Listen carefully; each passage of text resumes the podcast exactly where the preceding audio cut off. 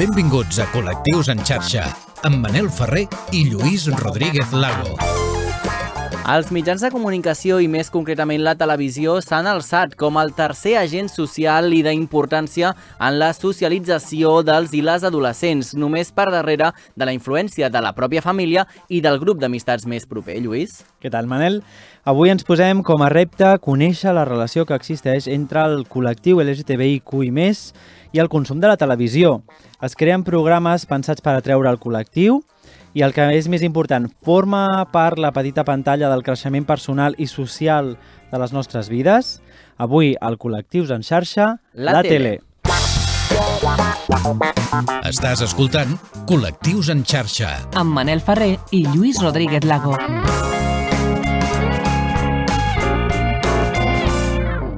L'investigador francès Dominique Boulier va dir que la veritable influència de la televisió comença quan aquesta s'apaga i la gent surt al carrer.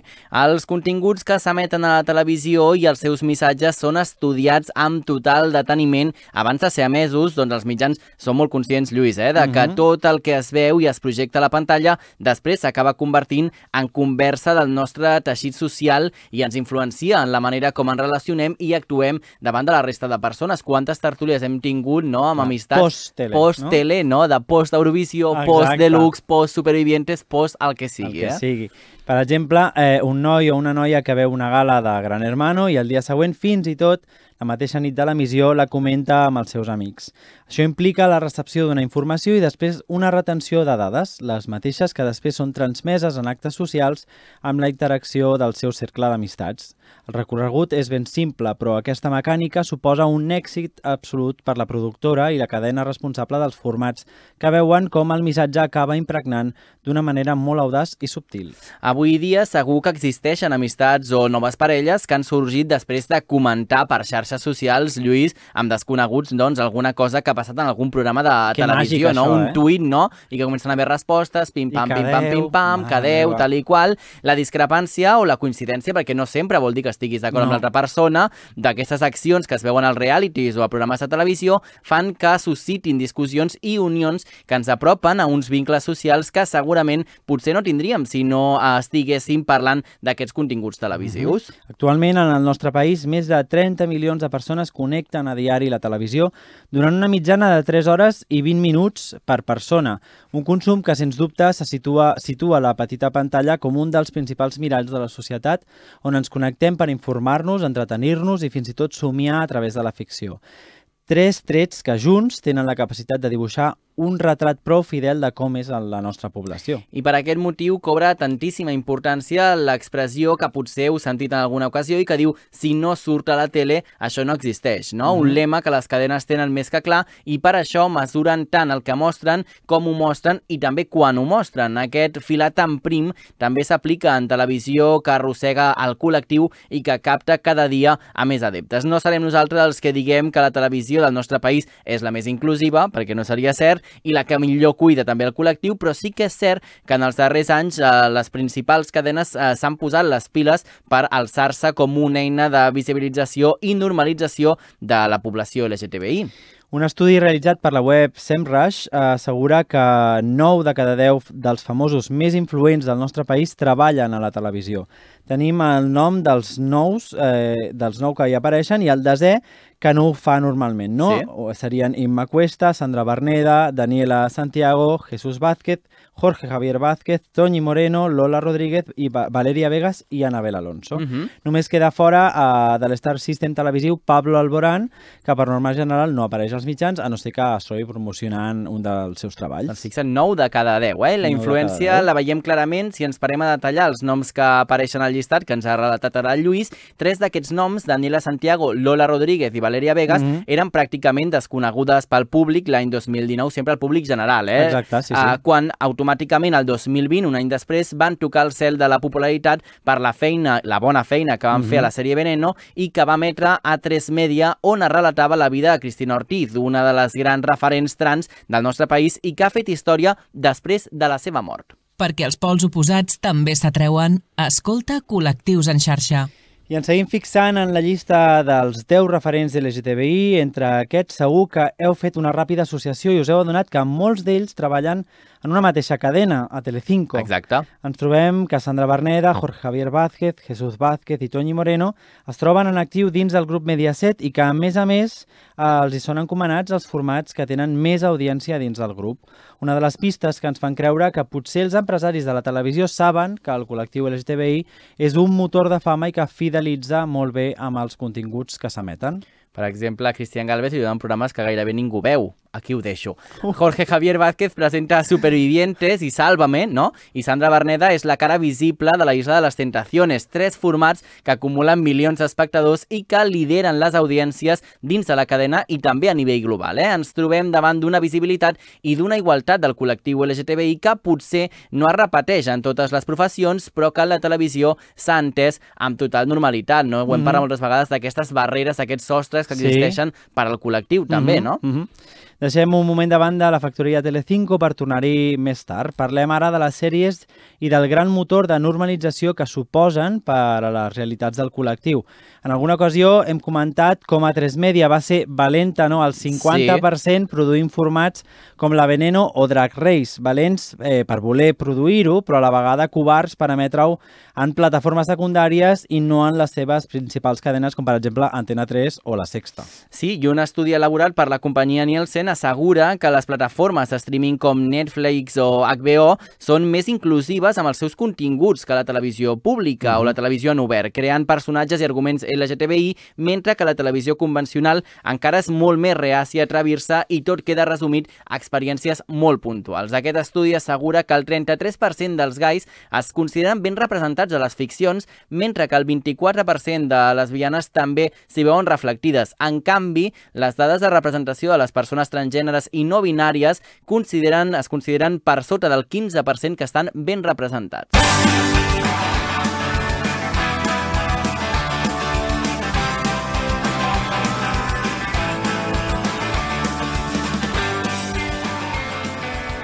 Nostàlgia millennial, eh, Lluís, amb Ai, aquesta ai, sintonia. ai. Per favor.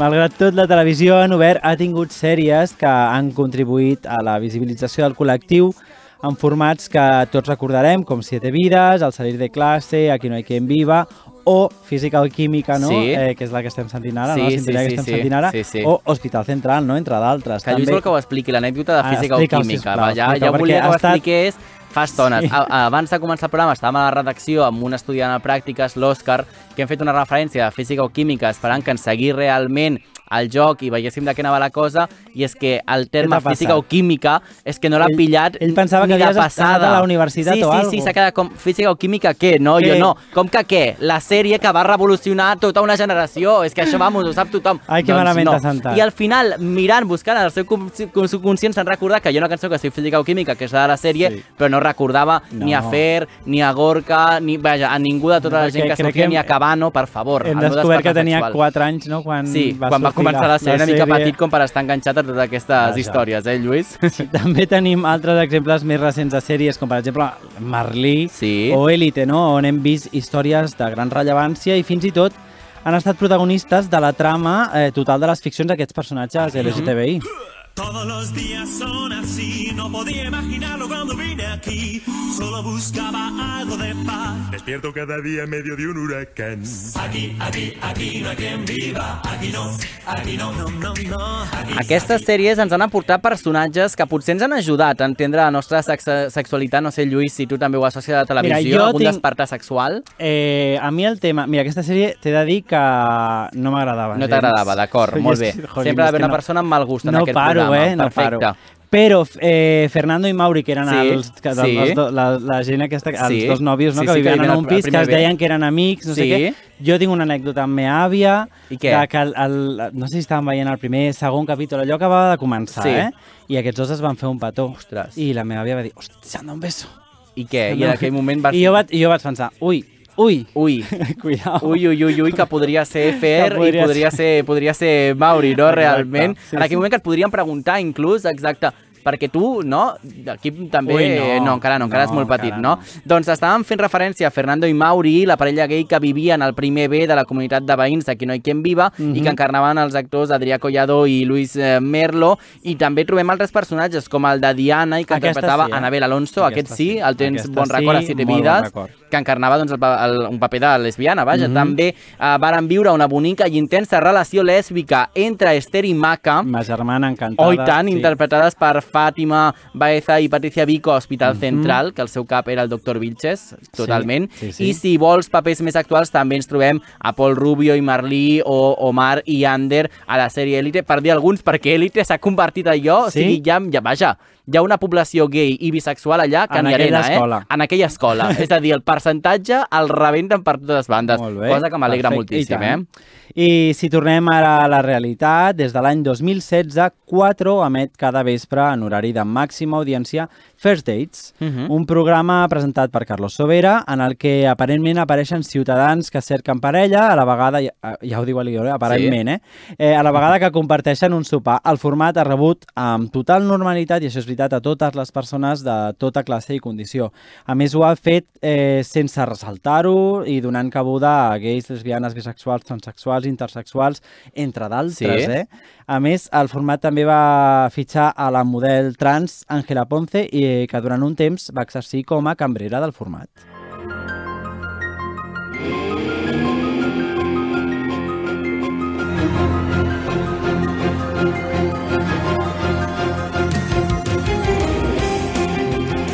Gran Hermano també ha ajudat a la visibilització a través de les relacions que han establert els seus concursants durant els tres mesos que dura la convivència. Del programa han sortit diferents relacions LGTBI com les que van protagonitzar Raquel Morilla i Noemí Hongria, que vivien aquí al eh? Maresme en el seu Sí. moment a Gran Hermano 3, Aritz i Han a Gran Hermano 16 i l'aparició de concursants transexuals com és el cas de Niki Villanueva a Gran Hermano 6, Mhm. Amor Romeira a Gran Hermano 9, que segueix en actiu, Hans Marcus a Gran Hermano actiu. 11, per dir-ho d'alguna manera, Sí, sí, i sí. Desiree Rodríguez, que ara per ser està a Supervivientes i va estar també a Gran Hermano 14.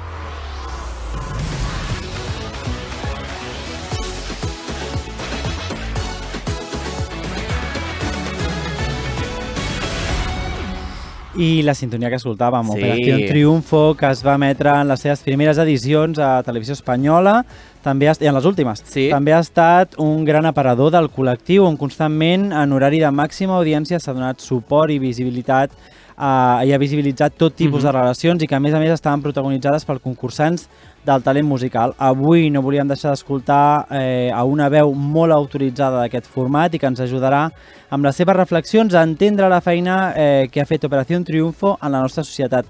Li hem preguntat a Pablo Westling, no? adjunt sí. del Departament de Càsting, el per què el col·lectiu LGTBI és tan seguidor d'aquest format. El colectivo LGTBI yo creo que de repente ve en programas como Operación Triunfo eh, como un lugar donde se siente seguro y se siente a gusto de poderse mostrar abiertamente LGTBI. Entonces, por eso un concierto de Operación Triunfo, pues siempre está la bandera LGTBI, porque de repente dice, qué guay, es que me gusta la música como a ellos, me gustan las canciones, me gustan los cantantes, pero es que además veo que desde el programa eh, se muestran abiertamente a favor del colectivo LGTBI, con lo cual mm, yo estoy a gusto con ellos y yo saco la bandera con ellos también. Entonces yo creo que es una de las cosas importantes que, que es tanto el, el tema de la, de la visibilidad, que es lo que hace que si una persona te dice, eh, oye, mm, yo soy abiertamente defensor del colectivo LGTBI,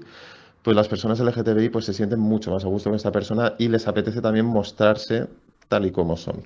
Doncs molt d'acord amb el que ens deia el Pablo i també li hem preguntat com s'implica el programa Operació Triunfo amb la causa del col·lectiu i ens ha dit això. Desde el programa siempre se ha defendido mucho y se, ha empatizado mucho con el colectivo LGTBI y sobre todo se ha visibilizado mucho ya de- a nivel de concursantes que se han mostrado abiertamente parte del colectivo, como el profesorado de la academia, como incluso desde el equipo del mismo programa. Eh, nos hemos mostrado siempre como pues muy defensores del colectivo y sobre todo visibilizando mucho a nivel de canciones, de puestas en escena, de números musicales, de, de clases, de charlas que se han dado dentro de la academia. Aquest tema de visibilitat, jo ara potser no, no hi caic, eh? Sí, però és, sí. més cap al, és més cap a aquestes últimes Edicions, sí, sí, edicions, sí, eh? sí, sí, sí. Entenc el tema de... Sí, sí, perquè jo era molt fan, eh? I Sí, sí. tots els he Jo crec que s'han més a les darreres edicions, inclús Eh. quan han anat a parelles de concursants a Mm. veure'ls, no? que s'ha donat més... És veritat, és més cap al final que no Mhm. al principi, eh? En Pablo Westling també hem volgut trobar un extrem i li hem preguntat si al final també s'acaba creant aquesta etiqueta, no?, de que tots els gais veuen OT i això ens ha dit. Yo creo que también es muy importante a la hora de hablar del colectivo LGTBI, porque se dice mucho, ¿no? Al colectivo LGTBI le gustan estos programas, al colectivo LGTBI no hay que olvidar en ningún momento que el colectivo LGTBI son tan personas como las personas que no son del colectivo LGTBI. ¿Qué pasa? Que, que en algunos lugares eh, se muestra más y en otros se muestra menos. O sea, a las personas del colectivo LGTBI, aparte de gustarles programas, también les puede gustar la historia, les puede gustar un museo, les puede gustar la astronomía, les puede gustar, yo qué sé, cualquier cosa, el deporte, el fútbol incluso. ¿Qué pasa? Que en esos lugares una persona LGTBI pues va a esconder más eh, la bandera o no lo va a decir tanto, porque desde esos lugares normalmente si te has mostrado que eres parte del colectivo LGTBI, pues o se te ha mirado mal o se te ha apartado. En programas como por ejemplo Operación Triunfo pasa todo lo contrario, que desde el programa mismo se dice primero que nosotros, tanto puede ser como concursantes, como profesorado, como parte del equipo, mm, dentro del equipo pues hay personas LGTBI, aparte eh, todos somos defensores y nos gusta apoyar y visibilizar el colectivo LGTBI, con lo cual lo decimos abiertamente, insistimos, ya sea a nivel de clases, a nivel de puestas en escena, a nivel de charlas. Y es por eso que después la persona, el colectivo, pues se siente muy a gusto y también mm, se muestra abiertamente que no solo le gusta el programa, sino que aparte pertenece al colectivo LGTBI. Segueix-nos a les xarxes. Busca'ns i recupera tots els nostres programes, imatges i vídeos exclusius. Col·lectius en xarxa, a Twitter, Instagram i a les principals plataformes de podcasting.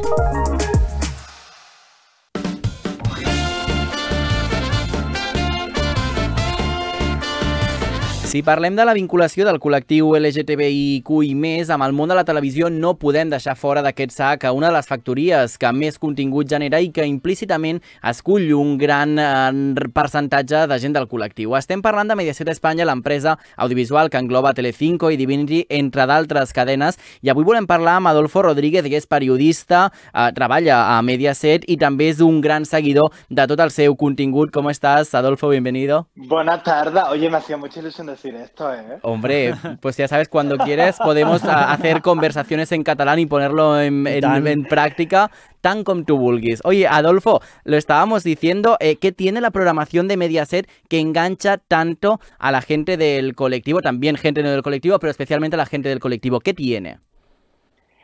Pues ojalá saber qué es lo que tiene, ¿no? Porque entonces tendríamos la, digamos, la receta para Claro. Pero lo que yo sí que creo, y esto es todo a modo Claro. personal, por supuesto, Claro. es que, em, no sé, como que se mueve muy bien dentro de la diversidad, ¿no? Es decir, nosotros damos voz a, a muchas personas del colectivo y fuera del colectivo también. No so- o sea, no solo hablamos de diversidad del colectivo LGTBI, sino también de otras tantas causas. Por ejemplo, tenemos ahí el site Millennial eh, de Jazz dentro de la web, por ejemplo, en el que hablamos pues no solo de, de eso, de gays, lesbianas, transexuales, sino también hablamos de feminismo y hablamos pues de tantas otras cosas de las que nos sentimos muy orgullosos porque siempre aprendemos mucho. Y yo creo que en la programación pasa un poco lo mismo. Eh, por ejemplo, mm, eh, pongo el caso de Carlos, se llamaba el último concursante de Secret Story, que era Sí. de género no binario, así lo decía, y nos hizo aprender mucho del género no binario, que seguro que es algo muy nuevo para muchísimas personas, incluido para mí, que con 31 años he tenido que aprender muy mucho y sigo aprendiendo a día de hoy. Y, y la verdad es que eso me hace sentir orgulloso, no sé a ustedes, pero a mí desde el sí. Total, sí, sí, totalmente, totalmente, muy, muy de acuerdo, sí, sí. Y decíamos eh, que seguramente estas decisiones se toman unas cuantas plantas más arriba, ¿no? De donde tú estás trabajando, pero crees La que- planta noble, que me encanta este concepto, Ah, sí. Adolfo. en la planta noble, digas. Uy, la planta noble, madre mía. Luis. Pero pe- la, la pregunta era, ¿tú crees que en estos momentos se están creando contenidos pensando ya en cautivar a- al colectivo? Sinceramente creo que no, que no es uno de, Ujú. las- de los principales objetivos y que eso no está en mente, sino que lo tenemos tan interiorizado Claro. y que verdaderamente somos tan diversos que no nos paramos a pensar, oye, pues es que eh, debe haber alguien del colectivo en el casting, no, es que de por sí lo va a haber, porque eh, hay tanta variedad y tanta normalidad y naturalidad en todo esto que de por sí lo va a haber, o sea, contamos con ello. De hecho, em, a lo mejor, no sé, no debería decirlo, pero sí. Sí. que lo voy a decir. A mí una de las cosas que más me llaman la atención para mal, y ya me salgo de la casa, Sí. del nuevo Masterchef, es la poca diversidad que hay. Me bien. resulta hasta muy casposo. Em, y digo, ¿cómo se ha podido caer en este grave error cuando Masterchef lleva haciendo ediciones maravillosas Sí. y muy diversas todos estos años? Me refiero al Celebrity en concreto. Y que haya caído en este error, que fue lo primero que llamó mi atención en cuanto lo leí, porque yo leo informaciones, por supuesto, de tele fuera y dentro del lugar en el que trabajo. Y, y oye, pues punto negativo para ellos. Probablemente en muchas otras ocasiones nos tengamos que poner el punto negativo en nosotros. Sí, Ojo, sí. cuidado, ¿eh? Ojo, cuidado, que yo entono el mea culpa y corporativo lo justo. Muy bien. Pero, pero fíjate que poniendo un poco la comparación, eh, era el ejemplo de actualidad que más me llamaba la atención reciente. Totalmente. Y es sorprendente también la brecha digital que hay entre las generaciones más jóvenes y las más longevas, pero en la programación de Telecinco pasa todo lo contrario, Adolfo, porque los nietos y sus abuelos o sus abuelas ven los mismos contenidos, incluso comparten colaboradores favoritos de Sálvame, concursante favorito de tal reality, ¿no? Es decir, que ya los nietos se ponen a ver la tele con, con sus abuelas, ¿no?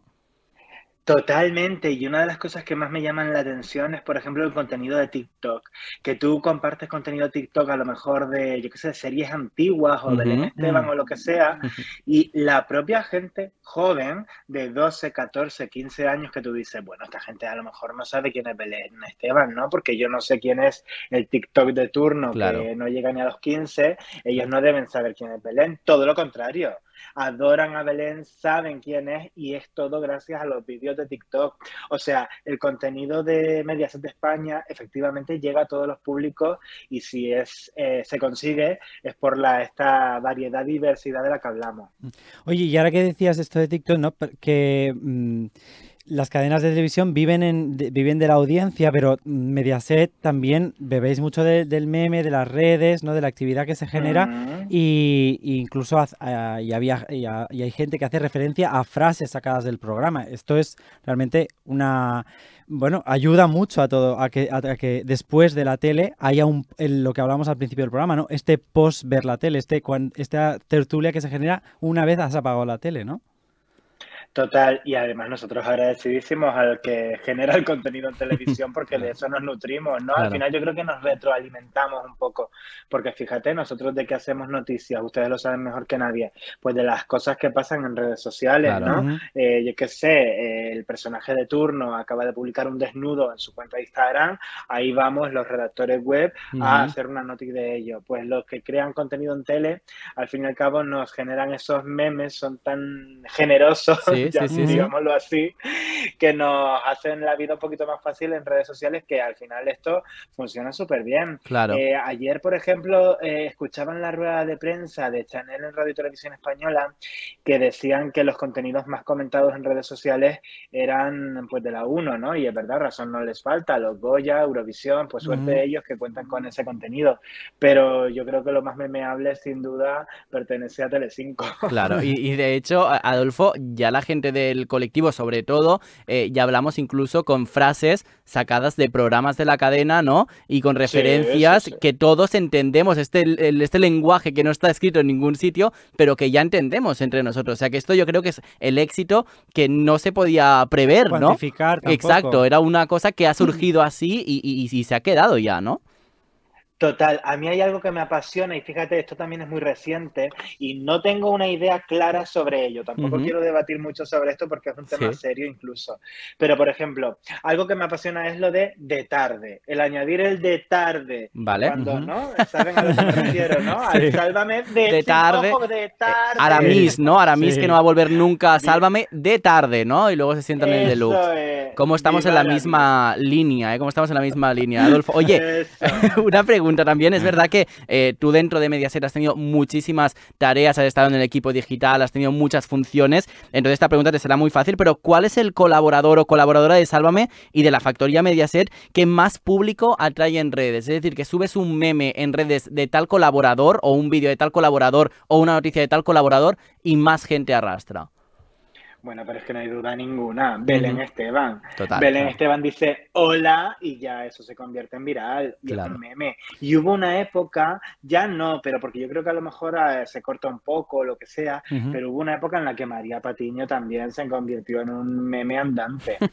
Sin embargo, no hay quien destrone a Belén Esteban. Es que ella es, bueno, es que es comunicadora nata. Yo lo reflexionaba en redes sociales hace un tiempo y es que no creo que haya mejor comunicadora eh, de por sí, Sí. que Belén Esteban. Porque es que eh, la gente empatiza muchísimo con ella y se la cree. Claro. Y, durante antes- mucho tiempo, Sí, ¿no? sí, sí, Ah, sí. Quiero decir, ha sabido ser eh, Mantenerse en el mantener esta comunicación y esta relación con el público, Claro. eh, aunque le han pasado mil Sí. cosas que, bueno, Sí, que las ha sabido Y llevar muy bien. adaptarse a los nuevos tiempos. Ya. Es increíble cómo una mujer, oye, que sigue siendo joven, ¿eh? pero Claro. que es más adulta que nosotros, Sí, sí. eh, se sigue adaptando a estos tiempos de redes sociales, eh, incluso al- a, la- al- a las expresiones ¿no? que Mm. usamos nosotros. Ellas también las usan, o ellas crea expresiones como la hasta luego Mari Carmen, que nosotros hemos ido adaptando pues a nuestro día a día. No sé, es maravillosa, es un meme, ya te digo, Claro. de por sí. Oye, y que nos siga regalando momentazos. Oye, y una anotación realmente, Adolfo, que ahora estamos todos con el chanelazo, que estamos a tope con el chanelazo, Sí. pero es que el término Sí. belenazo ya se eh, usaba mucho antes, que era cada vez que Belén Esteban reaparecía, volvía de las vacaciones y se sentaba en el deluxe, Sí. ¿no? O sea, el belenazo es mucho más antiguo que el chanelazo realmente. Total, total, Claro. total. Qué momentos de gloria, qué momentos de gloria. Escúchame, en Mediaset eh, os habéis sumado sin miedo a la ola de las series turcas, incluso pudiste entrevistar, ¿no? Al mismísimo Can Yaman, eh, Sí, que tiene, Yaman y Keran Birsin. también, también, los dos, sí, sí, sí. Que tienen, que tienen estas series, ¿no? Y, y que también enganchan a tantísima gente. ¿Sabes qué? Eh, es algo que me sigo preguntando a día de hoy. O sea, me apasiona. Eh, yo es que trabajo mucho con el fandom, intento empatizar con ellos. En lugar de enfadarme cuando ellos se enfadan y critican nuestro trabajo, yo intento hacer el ejercicio contrario, empatizar con ellos eh, e intentar entender por qué se están enfadando o por qué están apasionados con cierto producto y entonces subirme un poco a la ola e ir de aliado para, bueno, pues que el trabajo al fin y al cabo no sea más llevadero a unos y a, y a ellos más placenteros. Em, yo todavía me sigo, lo que te iba a decir, planteando qué es lo que gusta tanto de estas telenovelas, porque a mí tanto no me enganchan como ellos, ¿eh? Pero sí que es verdad que se ha generado un boom eh, intergeneracional, porque tendemos a pensar que las telenovelas solo la ven eh, las señoras, mi madre, tu madre, tu abuela, tu tía, no, en absoluto. Hay mucha gente joven, eso sí, mayoritariamente femenino, un público femenino, Sí. que las ve y, y es que es apasionante. Seguimos analizándolo todos los días, todas las tardes, porque es que es una Sí, sí. cosa de verdad que abruma, casi que abruma. Que, que Sandra Bruma, Pero, no iba a a decir. ver. Oye, se nos acaba el tiempo, tenemos que invitar otro día porque se nos ha hecho muy sí, corto sí, y estaremos sí. hablando contigo muchísimo más, más rato, pero es que es una fantasía esto de las series turcas. Recuerdo que fuiste a buscar a Adolfo a una señora que se había hecho un graffiti gigante en la fachada de su casa Madre de mía. Can Yaman. ¿Te acuerdas de esa señora? Eso, eso era un sueño. Bueno, bueno, bueno. Que por favor, es que, eh, ¿cómo es esa señora de Cádiz que no recuerdo ahora mismo el nombre? Maravillosa, pero que no solo tenía a Jan Yaman en la fachada de la casa, ¿eh? que tenía un museo dentro de la casa, toda una habitación. Vaya Con las fantasía. cosas que ella se había, se había hecho Jan Yaman. Oye, que no Fantasía. les quito más tiempo. No Oye, quito más tiempo. Adolfo, muchísimas gracias, que sé que Sí, estás malito gracias. y que nos has atendido este ratito. Oye, que te recuperes pronto y ya sabes, vuelve cuando quieres al Cool Actives en Xarxa y si quieres venir a vernos a Cataluña, Barcelona, oye, es tu casa también, ¿eh? Oye, encantadísimo que Barcelona me flipa. Un Pues beso ya sabes, grande, un beso. ¿eh? Beso. Chao, chao, chao. Gràcies. Gràcies. Nosaltres eh, deixem aquí a l'Adolfo, ens agrada molt entrevistar-lo. Marxem amb musiqueta, va, Lluís, què ens I poses avui? és que encara estem a Eurovisió, nosaltres. Sí, fins quan et durarà això Ai, no d'Eurovisió? ho sé, no ho sé, no ho sé, perquè a mi les cançons a vegades eh, em venen a buscar, Ah, Manel. molt bé. Però... I per què l'has escollit avui? Uh, avui per, perquè encara estic... A... Jo En encara el- estic en el en- en el dissabte, mood Eurovision, no he pogut perfecte, sortir encara molt bé, d'allà. molt bé. I qui és? Eh, doncs és eh, Sten, que Sí? va quedar bastant, Bastant bé, bé, bastant bastant bé, bé, i bé. que eh, la Carolina Iglesias Sí? deia que era una cançó super eurovisiva perquè la onomatopeia Eurovision Sí? es porta molt i aquesta cançó té molt UU i A. Molt bé, doncs aquí ho deixarem. Gràcies al Carles Soler Piqué per ajudar-nos també a la part tècnica i fins la setmana que ve que vagi bé. Adéu. Adéu.